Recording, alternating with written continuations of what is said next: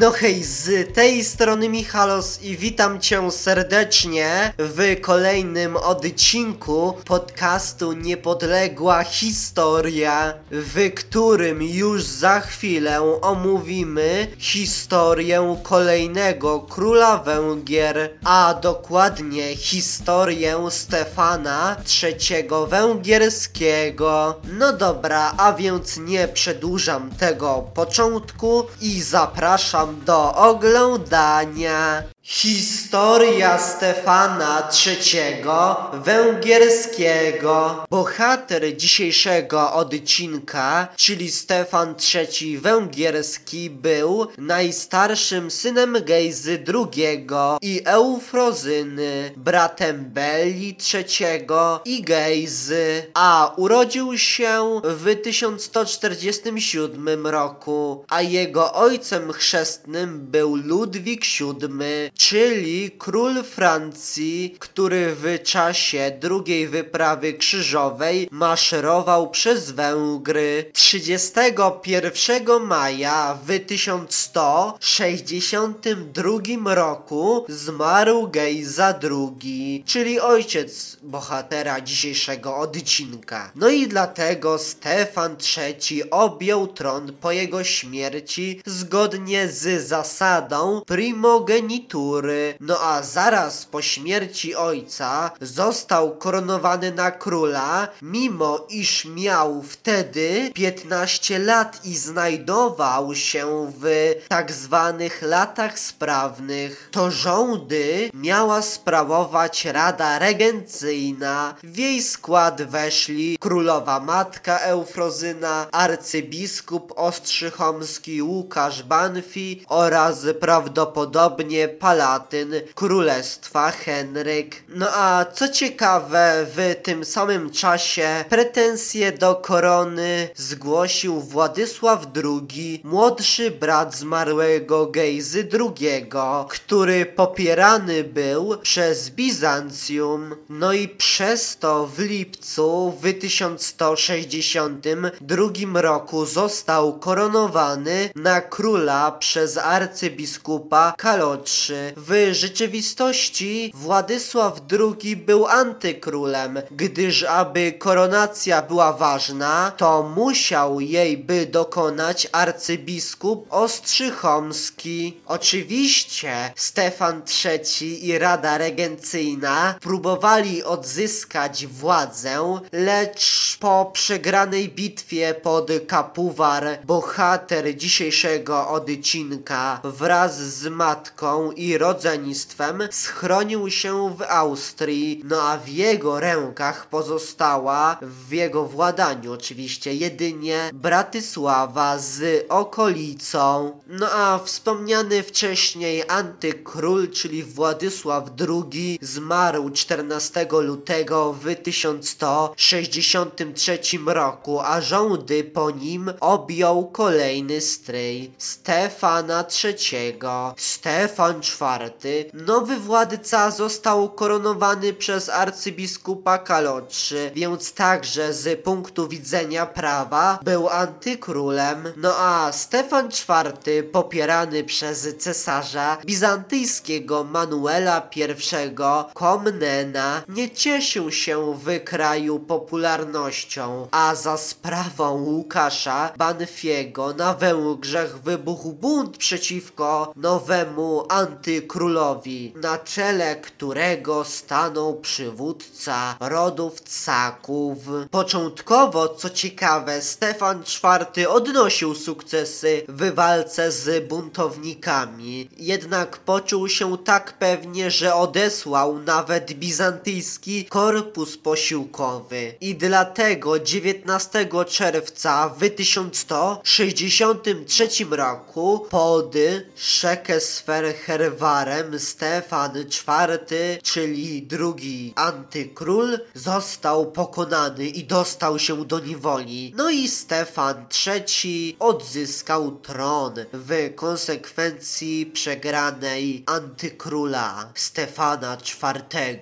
No a Stefan IV po uwolnieniu się z niewoli węgierskiej zbiegł do Bizancjum, a jesienią w 1163 roku próbował bezskutecznie odzyskać tron węgierski. No i w takiej sytuacji władca Bizancjum Manuel I zaoferował Stefanowi III za pośrednictwem Jerzego, paleologa, sojusz. Postawił też pewne warunki oczywiście, takie na przykład, że na dwór cesarski trafi młodszy brat Stefana III, Bella, który otrzyma od brata w zarząd Sirmium, Chorwację i Dalmację, a Manuel ze swojej strony zobowiązał się uczynić Bellę swoim następcą i oddać mu rękę swojej córki Marii. No a Stefan III w porozumieniu z matką zgodził się na bizantyjską propozycję, a w efekcie tego pod koniec 1163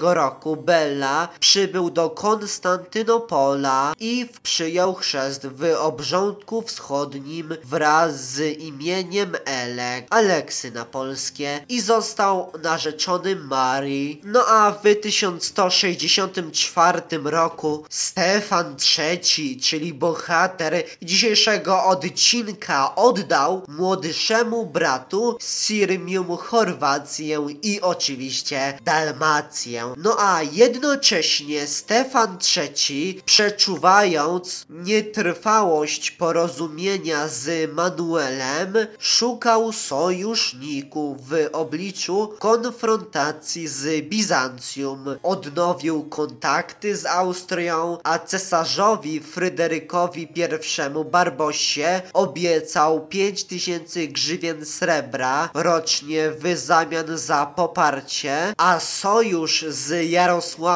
Ośmiomysłem, księciem halickim, umocniły zaręczyny córki tego ostatniego, czyli Ośmiomysła, córki Ośmiomysła ze Stefanem III, a także nastąpiło zaciśnienie współpracy z Władysławem II, czyli królem Czech. No a w 1165 roku znowu wybuchła wojna węgiersko-bizantyjska. No a wiosną tego roku Stefan również zajął część Sirmium i rozpoczął oblężenie Zimony. No a działań wojennych nie przerwała nawet śmierć, co ciekawe, Stefana IV, który zmarł 11 kwietnia w 1165 roku. No a według bizantyjskich historyków Jana Kinnamosa i Niketesa, Został otruty Stefan IV na polecenie Stefana III. No a Zimony, czyli Zemun, padł, a całe Sirmium znalazło się pod władzą oczywiście ponownie Stefana III. No a w 1166 roku wojska węgierskie najechały Dalmację i zajęły kilka tamtejszych miast. 6 lub 8 lipca w 1167 roku Węgrzy zostali jednak rozbici w bitwie pod Zemunem. Mimo to zdołali utrzymać Dalmację i Chorwację. No a Stefan III nawiązał, co ciekawe, przyjazne stosunki z Wenecją, bo jego siostra stryjeczna, czyli córka Władysława II, czyli wspomnianego wcześniej antykróla, została wydana za mąż za Mikołaja, syna Doży, Witalego Michele. No a tymczasem w Konstantynopolu uległa zmianie sytuacja Belli, no bo w 1169 roku Manuelowi urodził się syn Aleksy, a w efekcie tego zerwano zaręczyny węgierskiego królewicza z Marią Komeną i dano mu za żonę Agnieszkę Marię de Chatillon, księżniczkę antiocheńską i szwagierkę cesarza. No a w 1170 roku nastąpiła stabilizacja stosunków węgiersko-bizantyjskich na zasadzie status quo z 1167 roku, czyli Sirmum pozostało w rękach bizantyjskich, zaś Dalmacja w rękach węgierskich. No a w 1170 roku na Węgry zbiegł Biedrzech, czyli Fryderyk na polskie, syn czeskiego króla Władysława II, co oznaczało zapewne pogorszenie się stosunków czesko-węgierskich, małżeństwo i potomstwo. Stefan III zaręczył się z nieznaną z imienia córką Jarosława Ośmiomysła księcia Halickiego, a zaręczyny te zostały jednak zerwane w 1166 roku, a pod koniec 1166 roku bohater tego odcinka poślubił Agnieszkę, najstarszą córkę Henryka II, Jasomir Gotta. No a polska literatura historyczna podaje, co ciekawe, że Stefan III zmarł bezpotomnie. Z kolei zdaniem innych Agnieszka i Stefan III doczekali się syna Belli, zmarłego jeszcze za życia ojca. No dobra, to by było już na tyle w tym odcinku, jeśli chodzi o historię Stefana III.